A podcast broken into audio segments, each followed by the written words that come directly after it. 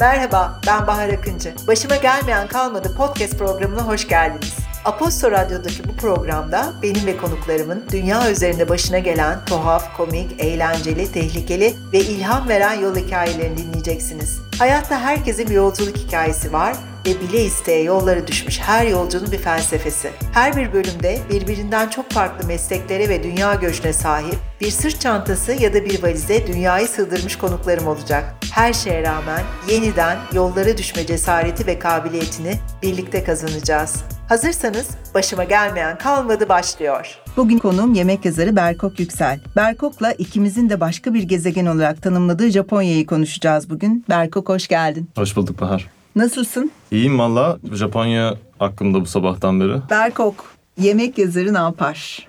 Yemek yazarı benim için çok e, yeni bir aslında tanım. Kendimi yemek yazarı olarak görmek için de genç bir insanım aslında. E, insanlar artık kendini tanıtırken ne iş yapıyorsun de, dediklerinde yemek yazarı demeye birkaç ay önce başladım ve tabii ki önce bir şaşkınlık geliyor. E, nasıl yani hani ne yapıyorsun diye. Ben Apero'nun editörüyüm. Hı hı. Apero Aposto'nun yemek bülteni. Ee, Apero, e, Aposto'nun yani Aposto'yu zaten dinleyen birçok insan ne olduğunu biliyor. İşte e, üye olduktan sonra ilgi alanlarınıza göre mailinize gelen haftalık bültenler ve benim hemen seçtiğim bölüm e, yemek e, ve seyahat konusuydu. E, sonra Apero ile tanıştım ve sonra senin yazılarınla tanıştım aslında. Birçok kültürü aslında birlikte yaşamış bir insansın büyürken. İşte farklı ülkelerde yaşadın, farklı okullarda okudun, farklı diller öğrendin. Bunun sonucunda seçtiğin yol Apero editörlüğüyle birlikte yemek yazarlığı. Ne yapıyorsun? Neler yapıyorsun?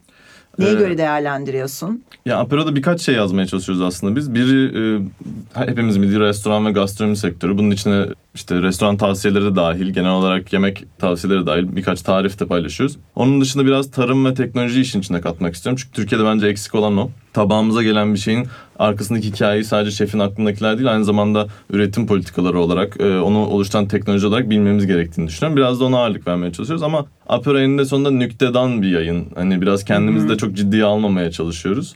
O yüzden hani biraz benim de karakterimi akıtmaya çalıştığım bir halde bu yemek sonuçta hani abartmayalım. Biz hepimiz yemeği seviyorsak hepimiz üstüne konuşabiliriz. Sadece belli yıldızlı restoranlarda yiyenler bunun üstüne konuşmasa da olur felsefesiyle hareket etmeye çalışıyoruz. Mutfakta da çalıştın galiba. Benim de öyle tecrübelerim var. Ee, işte e, yarı profesyonel aşçılık eğitimi aldım. Sadece işte bu jargonu öğrenmek için şeflerle konuşuyor. Nasıl, nasıl yemek yapıyorlar. işte hangi malzemeden ne yapılıyor bunu öğrenmek için başlamıştım. Sonra çok severek devam ettim.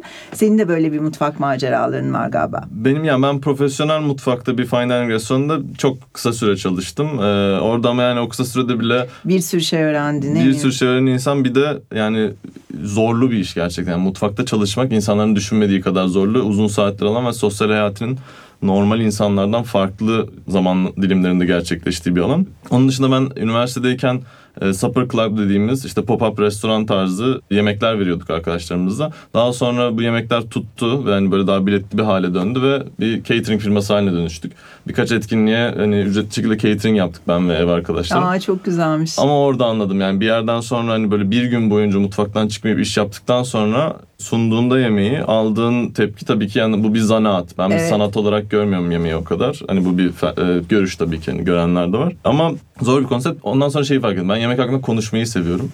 Yemeği yemeyi seviyorum ama açıkçası ama açıkçası yemek yapmayı o kadar seviyorum diyemem. Sadece kendim için e, Ee, seviyorum. bir adanmışlık yok belki öbüründe e, Kesinlikle öbürü öyle. kadar yani yazmak ve konuşmak kadar. Peki Japonya'da yemek konusunda seni en şaşırtan bunun için bir daha buraya gelirim dediğin bir şey var mıydı? Eminim ki çok var da Ja- aklına gelen hangisi? Japonya yemek kültürü çok ilginç. Çünkü aslında ürün anlamında çok özenli çalıştıkları için ürün kalitesi çok yüksek.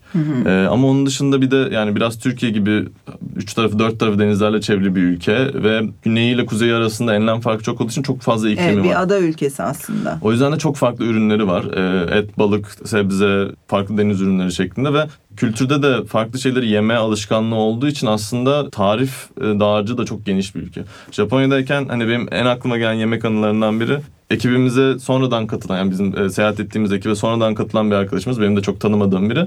E, nasıl diyeyim? Yani çevresi geniş bir insan çıktı ve bize rezervasyon yapması çok zor bir sushi'cide Türk müydü? Yok hayır yabancıydı. Yabancı.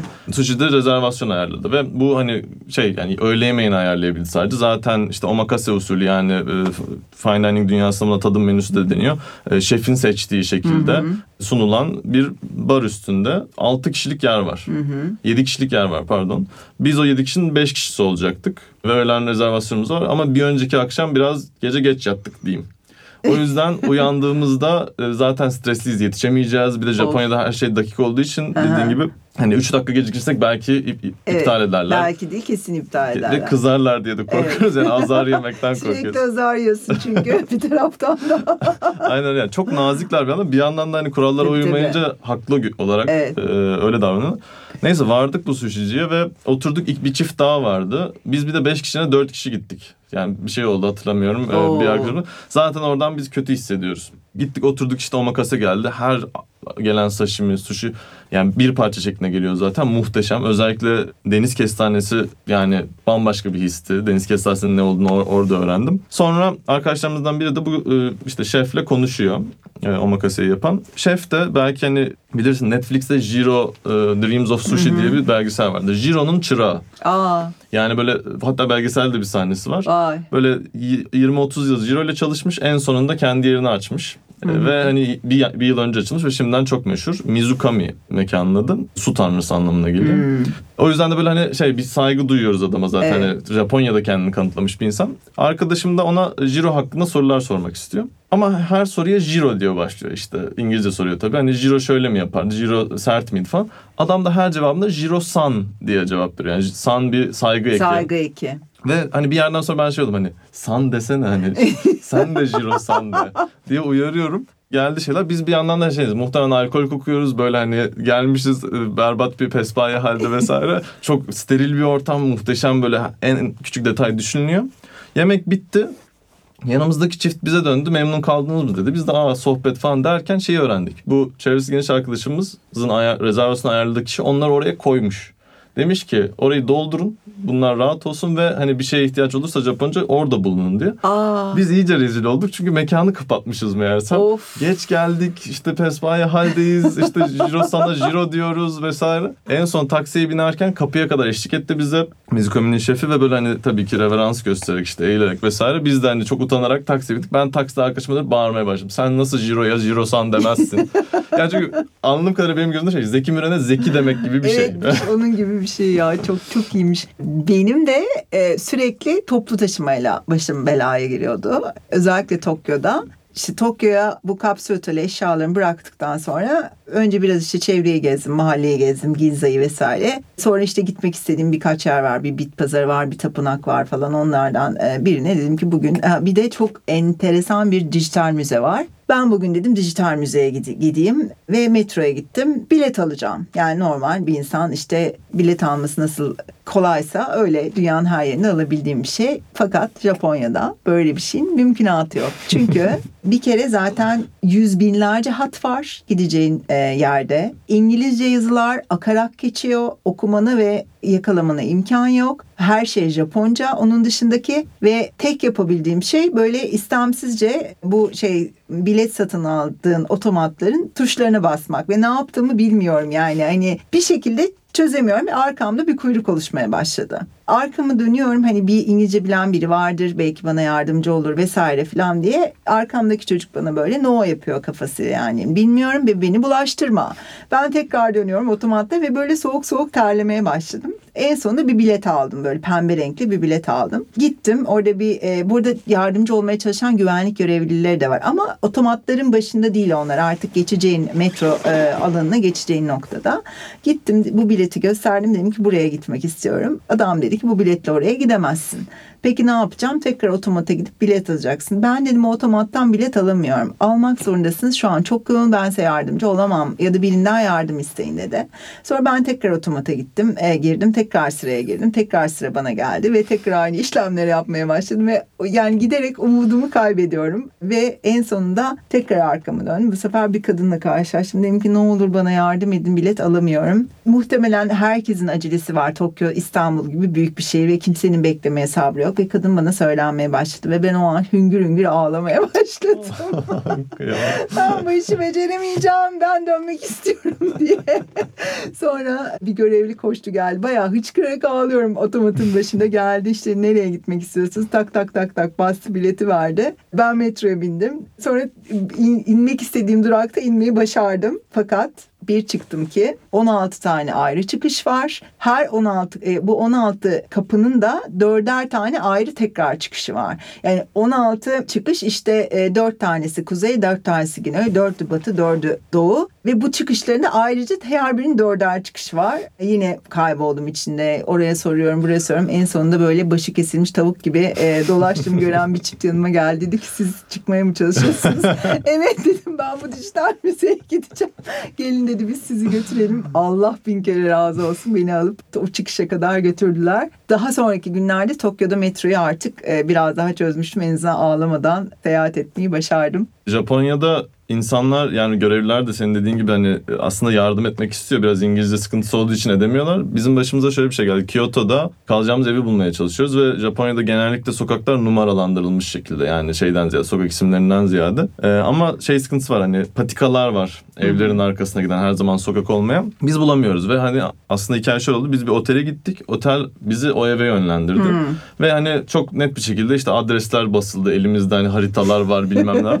Gidiyoruz sokakta yok böyle bir ev. Hani açık kapı da yok. Yani işte bir tane e, şey var hamam var. Bir tane restoran var bilmem ne. Arıyoruz ve şey sabahın 8'i 9'u galiba Hiçbir erken bir saat. değil. Hiçbir açık ve kimse de yok ortalıkta ve ara, ara bir sokak. Neyse baya böyle hani mahalleyi gezip insan bulmaya çalışıyoruz. En sonunda ben hamamın kapısını çaldım. Hamamdan bir adam çıktı işte çalışan. Böyle sırtında şey var, havlu var bilmem ne. Dedim böyle böyle. Yani böyle böyle dediğimde hani kağıt parçasını gösterip parmağımla işaret ediyorum. Adam okuyor anlamıyor dedim. Allah yandık adam bile anlamıyor. Biz nasıl bulacağız böyle. Ondan sonra dedi ki gel benimle. Çıktı terliklerle bayağı şıpıdık şıpıdık böyle Ya. ilerliyor. Beni bir üst sokağa çıkardı. Ben dedim ha çok yanlış gelmişiz. Bir üst sokağa daha çıkardı. Ben dedim nereye gidiyoruz? Karakola götürdü beni. Şaka yapıyorsun. Evet karakola. Minik bir mahalle karakolu. Girdim içeride iki görevli var. Dedim memur bey böyle böyle. yani o adam dedi benim için bunu. Ondan sonra e, polisler böyle baktı baktı. Telefonlarına girdiler, haritaya baktılar, işte bilgisayara girdiler baktılar. Çıkmıyor. Aşağıdan böyle kara kaplı bir defter çıkardılar. Baya böyle hani yarım metre yarım metre. Şehir paftaları var herhalde Kesinlikle. içinde. Attılar böyle toz kalktı sabah güneşinde tozları görüyorum ben Of, artık dedim bir anda polisi işin içine soktuk. olmuş. Açtılar böyle sayfalar çevrildi E4 bakıyorlar oradan karadan vesaire. Sonunda bulundu meğersem işte bir binanın arkasındaymış. Ama şey izledim yani polis beni eskort etti o binaya. Neredeyse bavulumu taşıyacaklardı. Ya bu Japonya'da kaybolan insanlara bu kadar yardımcı olmalarının sebeplerinden biri de bence o kadar kaybolunmaya müsait bir ülke ki ne yapsan olmuyor yani ne yapsan sen, senin başına bir şey geliyor ve en son herhalde şöyle düşünüyorum ben illallah ettiler ve dediler ki biz bunlara yardım edelim bu cihazlara gittikleri yere kadar götürelim çünkü başka türlü işin içinden çıkamayacağız. Ne kadar zamandır seyahat etmiyorsun? Ne kadar zamandır seyahat etmiyorum? Bir buçuk yılı buldu artık. En son seyahatimi hatırlamıyorum bile. Onu öyle diyebilirim. Peki e, yeniden yola düşme cesareti geldi mi? Ne düşünüyorsun? Yakın zamanda var mı seyahat? Geldi evet ben zaten Londra'da yaşıyorum. Oradan buraya geldiğimde benim için bir seyahat gibiydi Evet. aslında.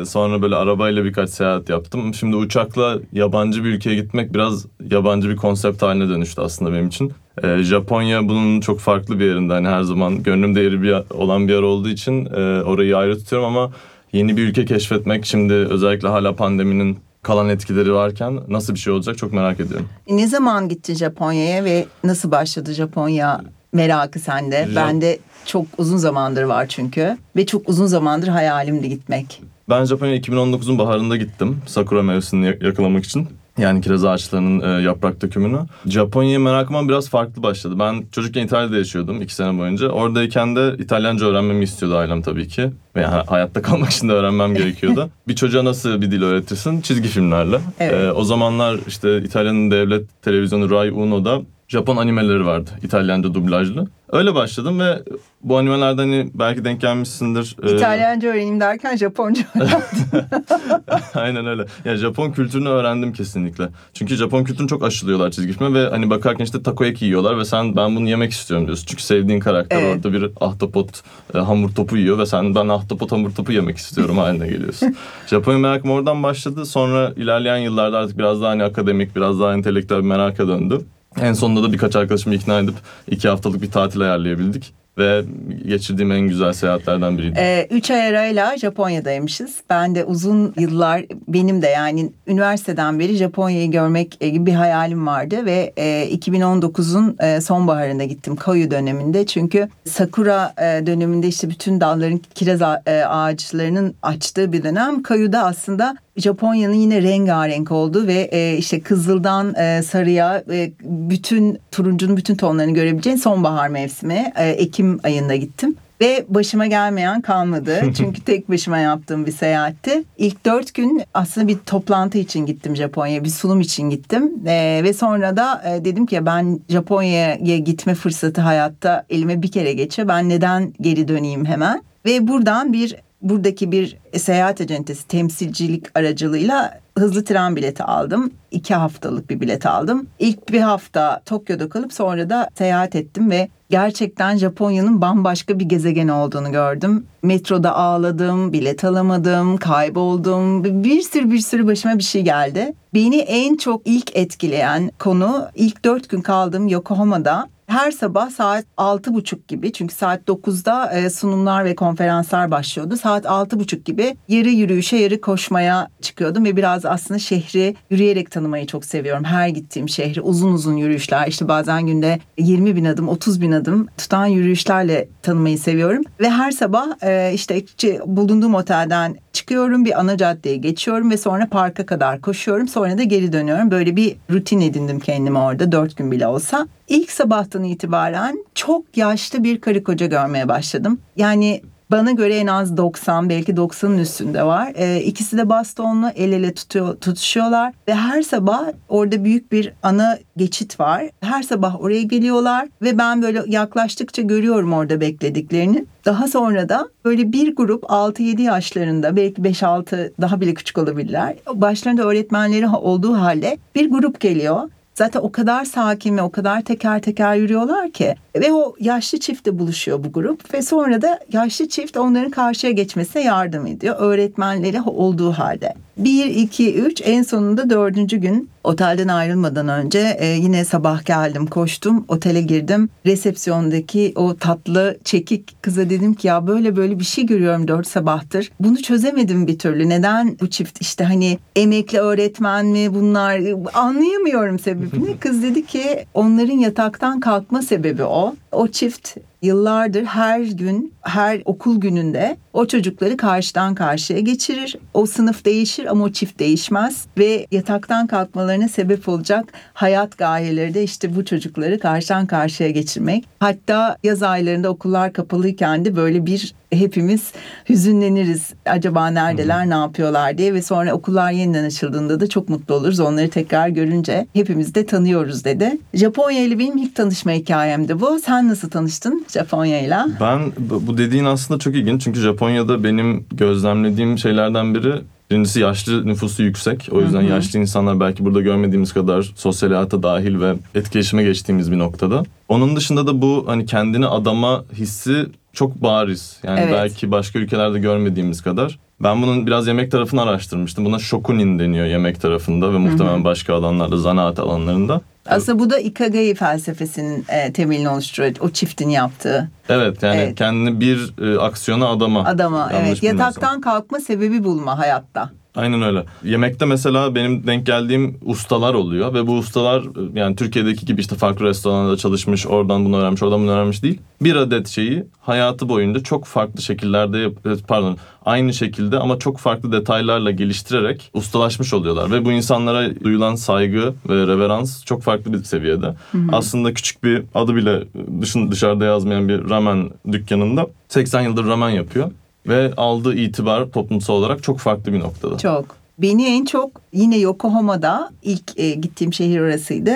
gitmeden önce varlığından bile haberdar değildim. Aslında küçük bir sanayi şehri ama tabii çok gelişmiş bir sanayi şehri. Fakat Japonların şöyle bir özelliği var. Geleneksel kültürlerini ve alışkanlıklarını ne olursa olsun ve ritüellerini devam ettiriyorlar. Oraya gittikten sonra araştırmaya başladım. Dedim ki yani burada en iyi ramen e, nerede olabilir? İşte pahalı bir e, otelin rufunda mı? Yoksa bir alışveriş merkezinin içinde mi? Ya da işte şehrin dışında bir villada mı? Hayır bir sanayi sitesindeydi. Tabii ki tahmin edebileceğin üzere. Ve ben o sanayi sitesine gitmek için bir gün e, işte bu şeylerden kaçıp e, o konferanstan erken kaçıp öyle yola çıktım. Belli bir yere kadar metro ile gittim ve ondan sonra yürümem gerekiyordu. Gerçekten böyle dev bir sanayi sitesinin içinde kaybola kaybola e, ve herkese e, sonra sonra. Çünkü o kadar ünlü bir ramenci ki birçok e, insan e, hemen işte daha sorarken tarif ediyor, söylüyor. Ve gittiğimde de çok uzun bir sıra vardı önünde. Bir kere daha Türkiye'de olduğu gibi aslında en iyi yemek sanayi sitelerinden çıkar.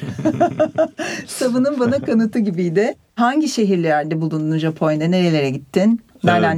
nereye seyahat ettin? Ben önce Tokyo'ya gittim. Sonra Kyoto'ya geçtim. Ondan sonra bir Izu'da bir 10 sene gittim yani bir e, kaplıcaya gittim. Ondan sonra tekrar bir Tokyo'da bitirdim. Küçük bir bitiriş yapıp geri döndüm. Güzelmiş. 10 sent tecrübesi yaşamadım ben. Ama bir dahaki gidişimde gitmek istiyorum ve bir dahaki gidişimde de herhalde Tokyo'da daha az kalıp e, ya Tokyo çok acayip bir şehir. Bir dünya metropolü ama şöyle bir tarafı var. Bir noktadan sonra New York gibi işte Çin, Şangay gibi veya diğer dünyadaki büyük metropoller gibi yani Japonya'ya özgü Japonya'ya ait şeylerin arada eridiğini ve kaybolduğunu hissettiğin ve bu gitmek istediğin bir önce Kyoto'dan e, geleneksel Japonya'ya başlamak istediğim bir şehir aslında. Benim için ilginç tarafı kapsül otelde kalmaktı. Çünkü çok uzun zamandır e, araştırıp merak edip yapabilir miyim diye düşünürken Tokyo'da da oteller aşırı pahalıyken Tokyo'da e, hem de Ginza'da çok merkezi bir, yer- bir yerde bir semtte bir hostel bulup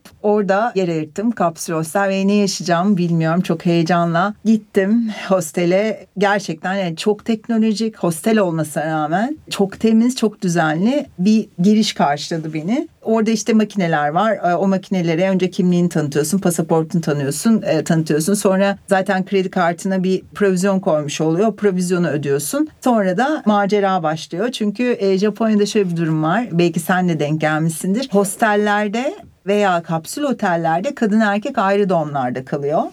Böyle bir özellik var. Ee, birazcık aslında Japonya'nın geleneksel kültüründen de kaynaklanan bir şey. Sonra da işte ayakkabılarımı çıkardım. Eşyalarımı valizime, küçük valizimi bir yere koydum. Sırt çantamı yanıma alıp hostele girdim. İki gece kaldım hostelde. Üçüncü geceyi çıkartamayabilirdim. Ee, sonra e, birazcık e, şehrin dışında, Tokyo'nun dışında bir Airbnb'ye geçtim. Ve sonra da Kyoto ile devam ettim. Senin konaklama deneyimleri nasıldı Japonya'da? Konaklama konusunda aklıma ilk gelen şey çok küçük her yer. Biz bir de 5 kişilik bir grup halinde gittik. O yüzden biraz daha hani e, bir ev olsun, odaları olsun şeklinde yaklaşıyorduk ama fiyatlar bir yana gerçekten hani düzgün bir yerde bulsan, şehrin dışında bir yerde bulsan metrekaresi çok az. Evet çok. Çok çok dar ve insanlar buna alışık bir durumda. Bu şeyden değil yani fiyatlar çok yüksek anca buna paramız yettiden ziyade gerçekten tuvaletler mesela e, yani banyo e, odaları ben klozete oturduğumda dizlerim kapıya değiyordu.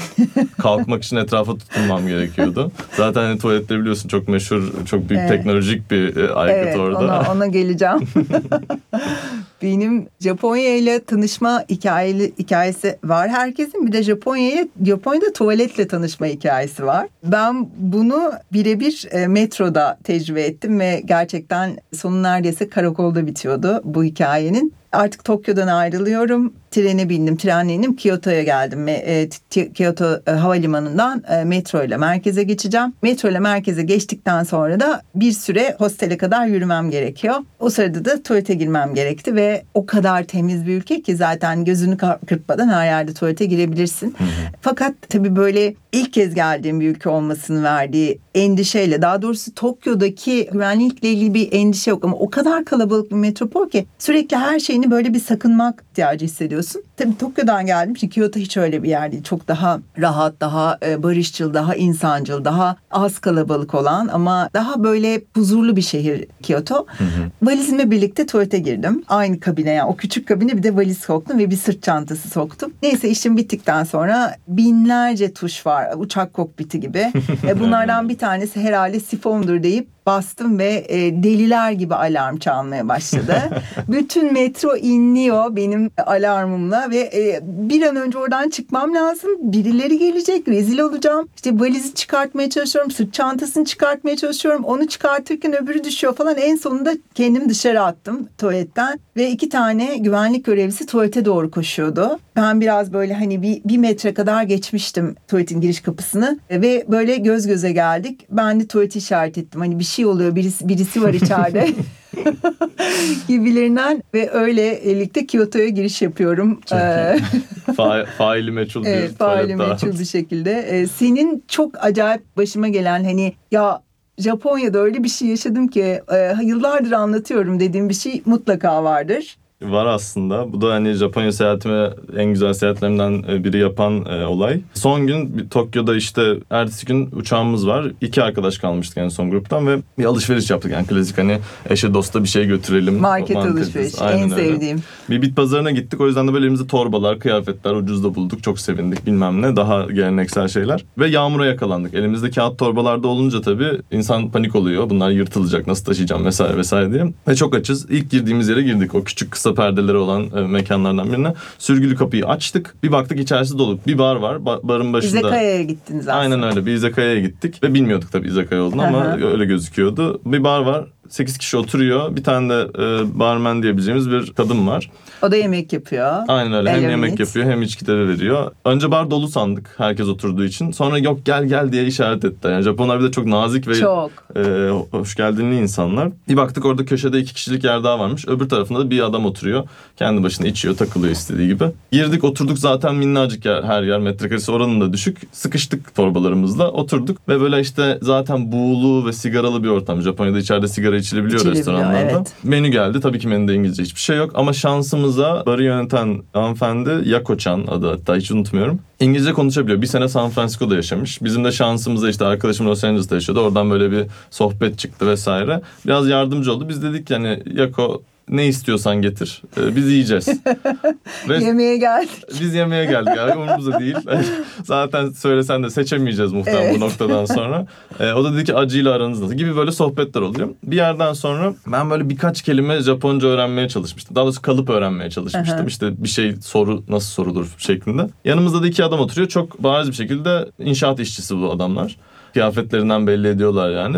Anladık ki burası bir mahalle var. Yani mahalle izakayası. İzakayalar genelde zaten mahalle eşrafının gelip oturduğu yediği yerler. İzakaya ise Japon meyhanesi. Onu da e, Doğru, açıklayalım. evet. Bilmeyenler olabilir. İşte o gün şefin e, ne malzemesi varsa elinde, iyi ne malzemesi varsa aluminit yani o anda pişirdiği ve mahalledeki insanların genelde takıldığı işte sohbet etmeye, sosyalleşmeye ve bol bol içmeye, yeme içmeye geldiği küçük böyle bir barı olan dediğin gibi ve e, küçük küçük sandalyeler olup gelip işte takıldığın, sohbet ettiğin sonra çıktığın başka birinin geldiği mahalle meyhaneleri. Aynen öyle. Yani bu menüler, menüler değişiyor genelde. Kimisi daha ızgara bazlı oluyor, kimisi balık meze Evet. bazlı oluyor. Bizimki daha meze e, ve hani e, sıcak yemek üzerineydi. Neyse yandaki inşaat işçisi beyefendilere bir laf attım biraz. Hani içtiklerini merak ettim. Çünkü sake veya bira değildi.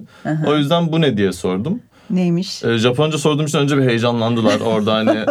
Yani o seviyeye geldin yani Japonca Evet, sorusu yani bu, bu cevabı nedir diye yok. bu nedir diye sorabiliyorum. Evet, ama şey cevabı anlamıyorum. Cevap yok.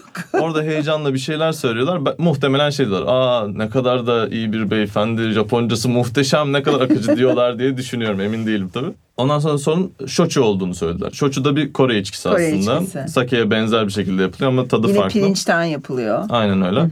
Ve uzattılar içer misin diye ve şişeyi değil bardaklarını uzattılar. Hayatımda ilk defa tanımadığım birinin bardağını aldım içtim. Yani Japonya'ya o kadar aşıktım o noktada. Covid Bana- öncesi tabii bunların Covid hepsi. öncesi, evet. Pandemiyle her şey çok değişti. Artık şoçu paylaşamıyoruz.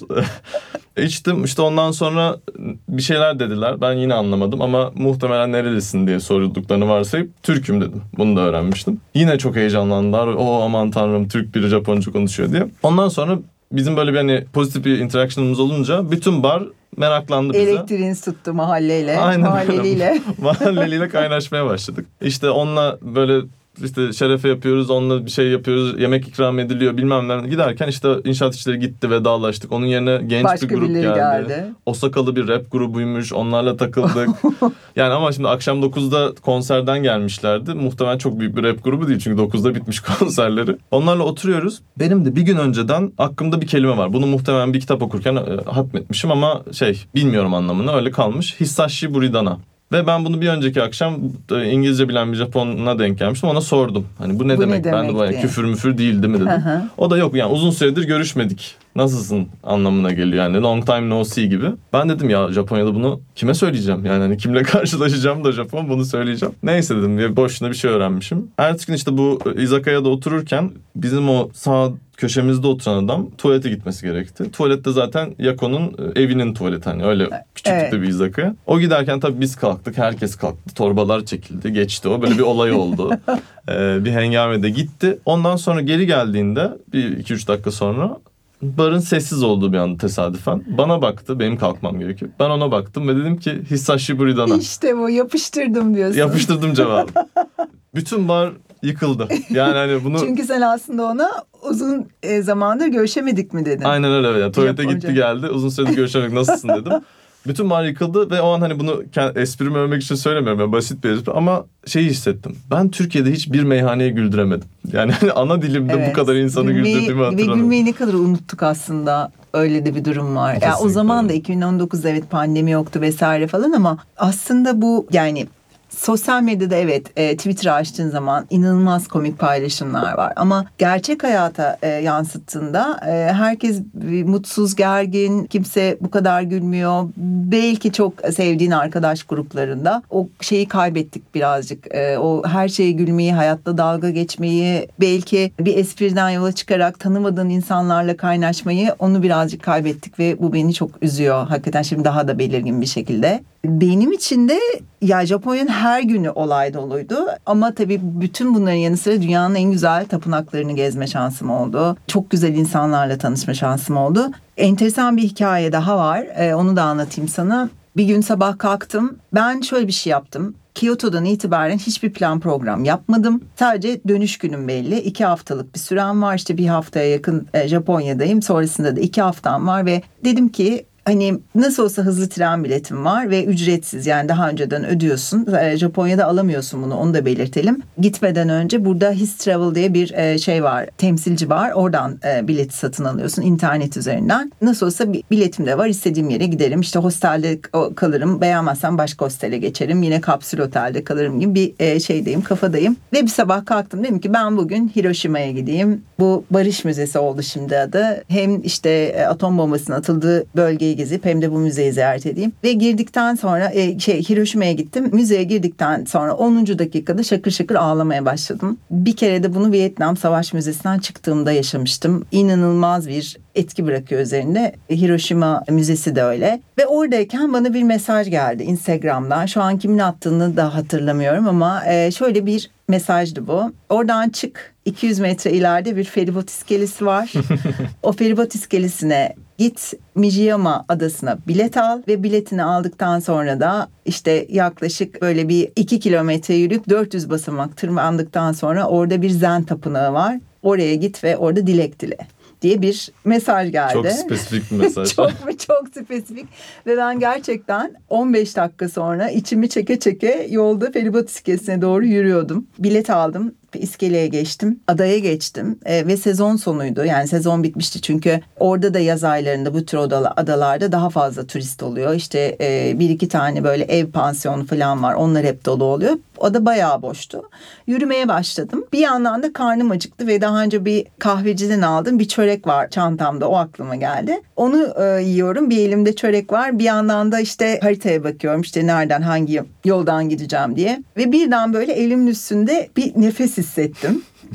bir çevirdim kafamı iki tane ceylan. Hayatıma gördüm en güzel ceylanlar ama sokak köpeği gibi evciller. Yani çöreğe saldırdılar. Ben çığlık çığlığa çöreği bıraktım. Sonradan öğrendim ki oradaki insanlardan da yaşayanlardan da o adada ceylan kutsal sayılıyor ve e, her yerde bizde nasıl Cihangir kedileri, moda kedileri varsa orada da Mijiyama ceylanları var. Hiç kimse dokunamıyor, turistler besliyor. Zaten senin beslemene gerek yok. Elinde ne varsa kapıyor. Böyle keyifli bir yürüyüşten sonra e, tapınağa ulaştım. Bir baktım ki upuzun böyle arşa kadar bir merdiven var. E, oraya tırmandım. İçeri girdim. Hiç kimse yok içeride. Yani ne bir görevli var, ne bir rahip var, ne bir turist var. Hiç kimse yok ve enteresan bir şekilde içeride modern heykel enstelasyonu var. Bir sergi var içeride. Bir taraftan o sergiyi geç, gezdim. Olağanüstü bir bahçeydi ve bir sunak var. Sunağın üzerinde de bir takım işte dilek e, için çekebileceğin dilek kağıtları var. Onlardan birini çektim. Oraya da bir beş yan bıraktım. Hani işte kamera vardır bir şey olur. e, sonradan başıma iş gelmesin diye. Çünkü Japonya e, ciddi anlamda çok sıkı kuralları olan bir ülke. E, örneğin en basitinden sigara kullanıyorsan sokakta sigara içmek yasak. Bunun için işte 10 sokakta bir böyle küçük kulübeler var. E, sigara içme kulübeleri ama zaten o kadar dar ve o kadar kötü ki zaten sigarayı bırakırsın. Sigara içiyorsan Evet, da eğer. evet. E, Bir de şey çok aslında güzel bir şey kimsenin sigara içmemesi için bence çok güzel bir şey. Kesinlikle öyle. Yani sokakta geçerken or- oradan yolun geçerse zaten sigara içmiş kadar oluyorsun. Ben ilk şeyi gördüğümde çok şaşırmıştım. İnsanlar yanlarında küllük taşıyor.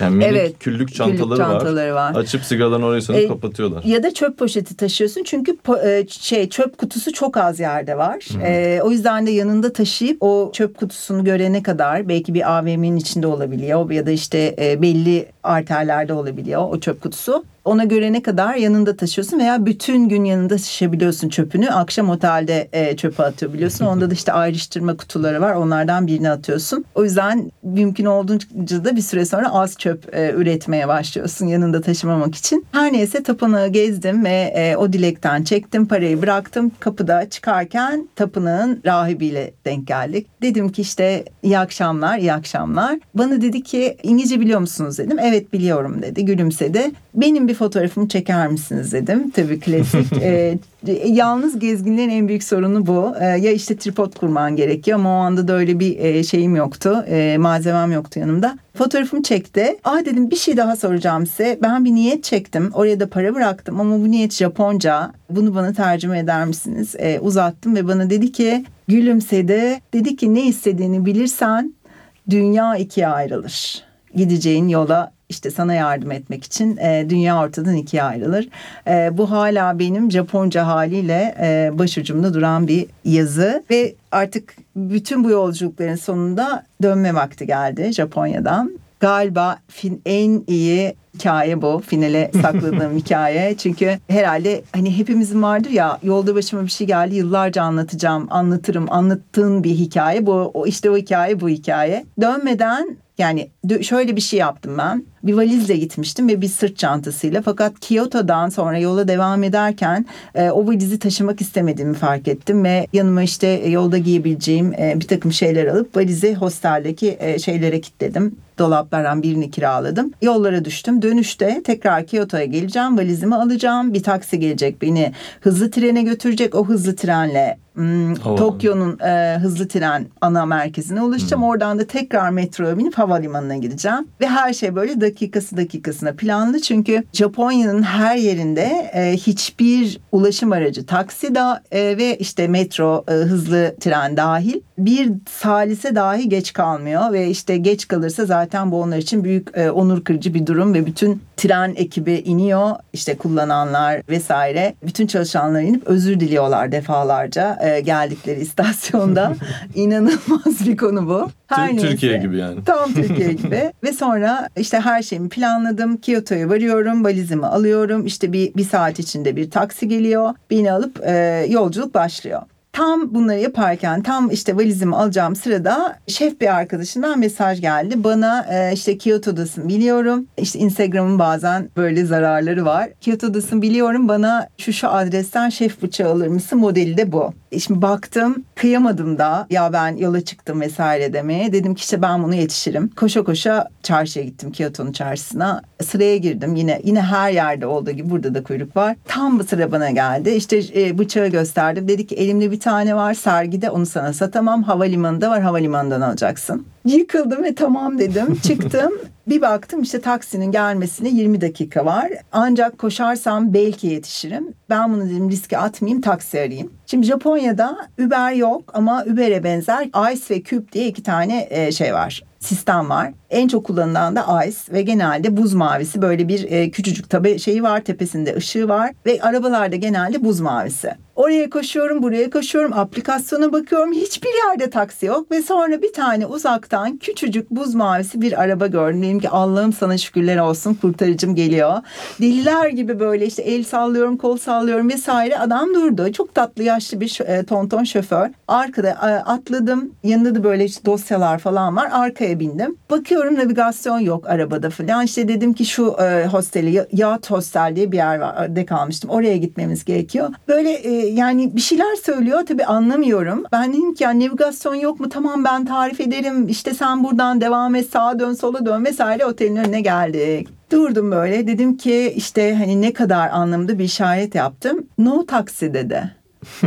dedim nasıl no taksi ya? Nasıl no taksi nasıl olabilir? Bir dakika dedim. Bir dakika bekle. İndim. Resepsiyondaki görevliye koşturdum. Dedim ki ya ne olur gelin dışarıda bir taksideyim ben. Fakat ara, para almıyor. Şeyi de bulamadım ne kadar ödeneceğini. Bana yardımcı olun. Neyse çocuk kalktı geldi. Eğildi arabaya bir şeyler konuştular. Ve çocuk kahkahalarla gülmeye başladı. Dedim ki ne oldu? Ne oluyor? Ya dedi siz dedi bu beyefendi bir mali müşavir toplantıya giderken sizin başınıza bir şey geldi zannetmiş. O kadar heyecanlı bir şekilde el edince e, sizi almış ve buraya getirmiş. Taksi falan değil bu siz buna nasıl bindiniz? Adam indi. Adam eğiliyor ben eğiliyorum. Aragote gazalmaslar havada uçuşuyor.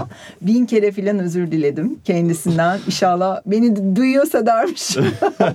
beni dinliyorsa. buradan kendisine çok buradan selamlar. Kendisine çok selamlar gönderiyorum. Böyle bir finale Japonya'yı kapattım. Yeniden gitmek istiyorum. Bir sürü hayalim var. Hayalindeki ülkeler ne? Onları da söyle öyle kapatalım programı. Tabii yani Japonya'ya ben de tekrar gitmek istiyorum ve belki hani seninki gibi hatta daha uzun süre kalmak. Biraz da orayı ya orada yabancılara gaijin deniyor ve gaijinlere gerçekten hani Japon gibi davranmaları çok uzun sürüyor. Hatta imkansız denebilecek bir sürede sürüyor. Orada yaşayan insanlarla da konuştum bunu. Evet. Bir süre hani yerli yani olabildiğince yerli olma hissini görmek istiyorum Ben Japonya'da. de çok merak ediyorum o hissi. Ve tam da dediğim gibi Tokyo değil belki daha Kyoto, Osaka gibi Evet. daha Japonya Evet. olan yerlerde yaşamak ve Hokkaido'ya gitmek biraz Özellikle. Osaka, ben Osaka'ya yani Japonya'nın Diyarbakır'ı ya da Adana'sı diyorum. Çünkü sokak yemeği kültürü o kadar gelişmiş ki Osaka'da e, aklını kaçırabilirsin. Herhalde sen bir yemek yazarı olarak kedi gibi ayrılamamışsındır diye düşünüyorum Osaka'dan. Evet ben benim de son günümde şöyle bir şey olmuştu Japonya'da.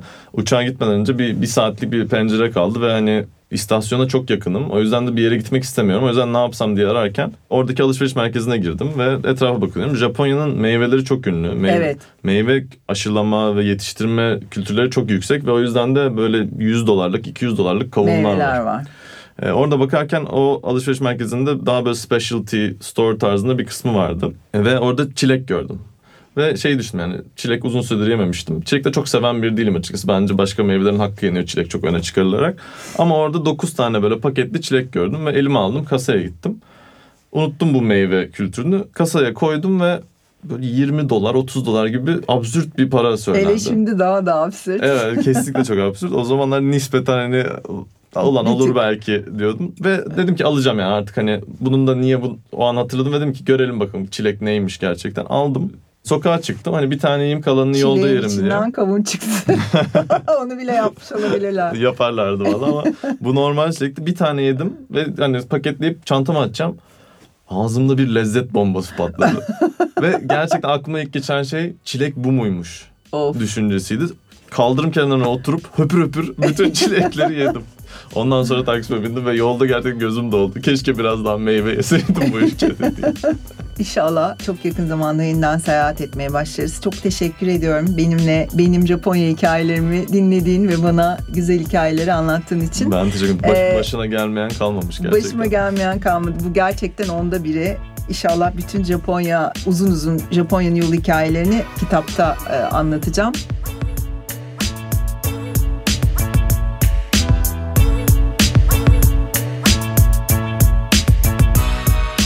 Haftaya Başıma Gelmeyen Kalmadı podcast kanalında başka bir konukla bambaşka bir ülkeyi konuşuyor olacağız. Herkese yeniden cesaretle, azimle ve büyük keyifle yolculuk edebileceği bir dünya diliyorum.